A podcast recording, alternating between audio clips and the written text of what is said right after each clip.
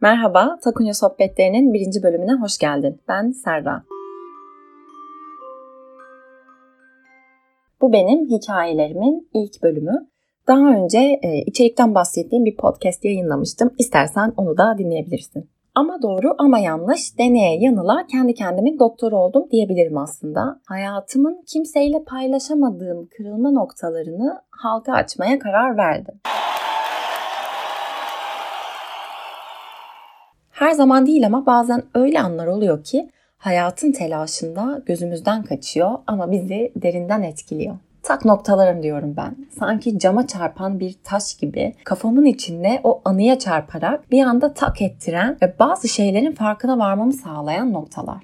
Bu noktaları 23 yaşından sonra düşünmeye başladım ve kendime dair ilginç bir yolculuğa çıktım diyebilirim. Siz bir şekilde bu podcast'ı açtıysanız demek ki dinlemeye hazırsınız. Ben de anlatmaya hazırım. O zaman başlıyorum.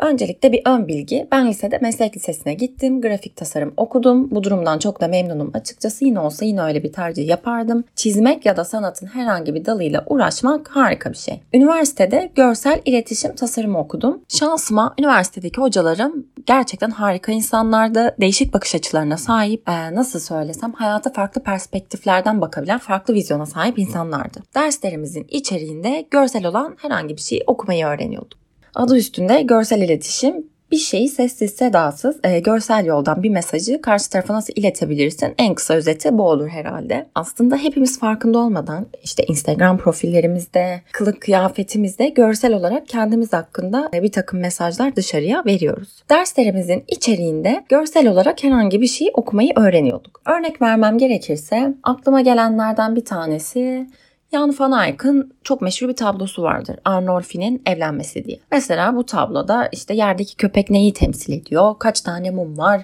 kaçı yanıyor, kaç şamdan var gibi gibi gibi bir takım detayları yorumluyorduk. Ya da reklam afişi. Bu reklam afişlerinin içinde ya da reklamlarda vermesi en zor olan, tarif etmesi en zor olan şey parfüm reklamıdır. Çünkü e, bir kokuyu tarif etmek oldukça zordur. Bilindik kokuları bir şekilde tarif edebilirsin.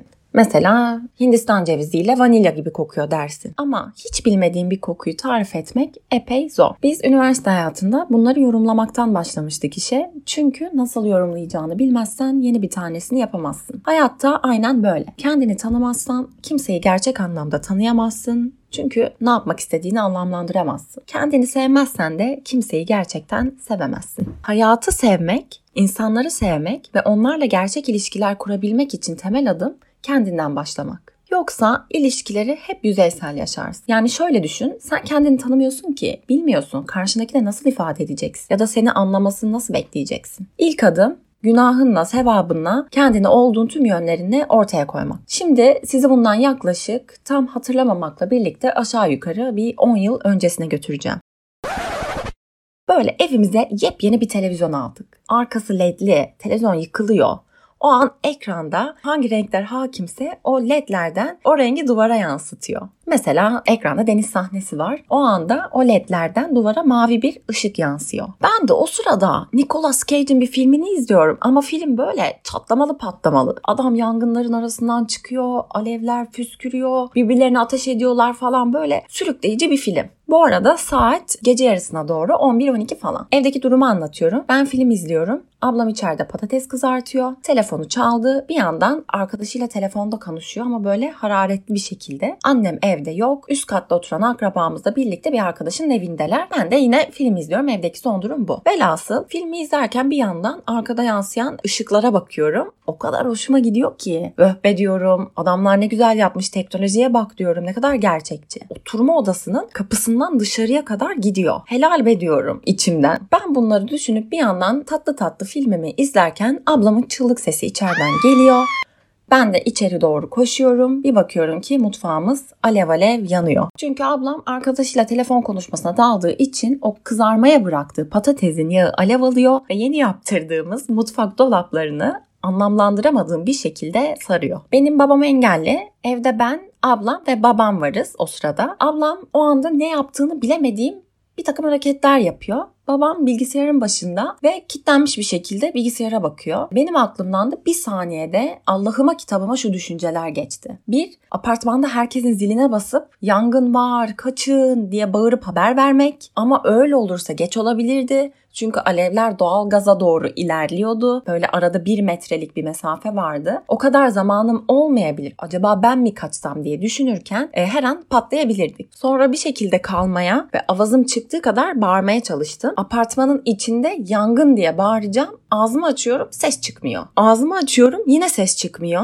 Kitlendim. Sessiz bağırıyorum resmen. Sesten mesten eser yok. Neyse kendimi zorladım bir şekilde ama beni bir görün korkudan bayılacağım neredeyse. Kendimi öyle böyle tutmaya çalışmıyorum. Sonra bir şekilde bütün gücümü topladım. Kendine gel diyerek kendimi ruhani bir şekilde tokatladım ve avazım çıktığı kadar yangın yangın diye bağırmaya başladım. O sırada annem ve akrabamız arabayı evin önüne park ediyor ve bizim yangından dolayı oluşan kızartma kokusunu alıyor. Annem de diyor ki çok güzel hamur kızartıyor kimse oraya gidelim diye böyle söylenirken beni apartmanın girişinde görüyor ve dediklerimi anlamadan babama bir şey olduğunu zannediyor. Ben de annemin kapıyı aç diye salladığını görüyorum. Sokak kapısını aç diye böyle salladığını görüyorum. Ama kafam yerinde olmadığı için gidip açmak yerine apartmanın içinde böyle hacı yatmaz gibi dönüp duruyorum. Amcam da bizim alt katımızda oturuyor ve o sırada namaza duran amcam benim çığlıklarımı duyuyor ve hemen yukarı koşuyor. Ablam da tam o esnada yine nasıl olduğunu bilemediğim bir şekilde yanan yağ tenceresini kapıp suyun altına atmaya çalışırken Allah'tan gerçekten Allah'tan amcam yetişiyor ve e, o alevlerin üstüne bir halı atıyor. Nasıl olduğu bilinmez o halıyla bütün yangını söndürüyor. Tabii bizim yeni yaptırdığımız o mutfak en azından bir kısmı bir süre kullanılamaz hale geliyor ve biz tekrardan yaptırmak zorunda kalıyoruz. Bu olay benim tarihimde ilk defa bir olaydan dolayı ağzıma kilitlendi ve nasıl olduysa ses tellerimi kullanamadığım, sesimi çıkaramadığım ilk ve son olay olarak kayıtlara geçiyor. Şimdi bu hikaye bir cebimizde dursun. Başka bir hikayeye geçiyorum. Tarihleri net olarak hatırlamıyorum ama bu olaydan kısa süre önce olması gerekiyor.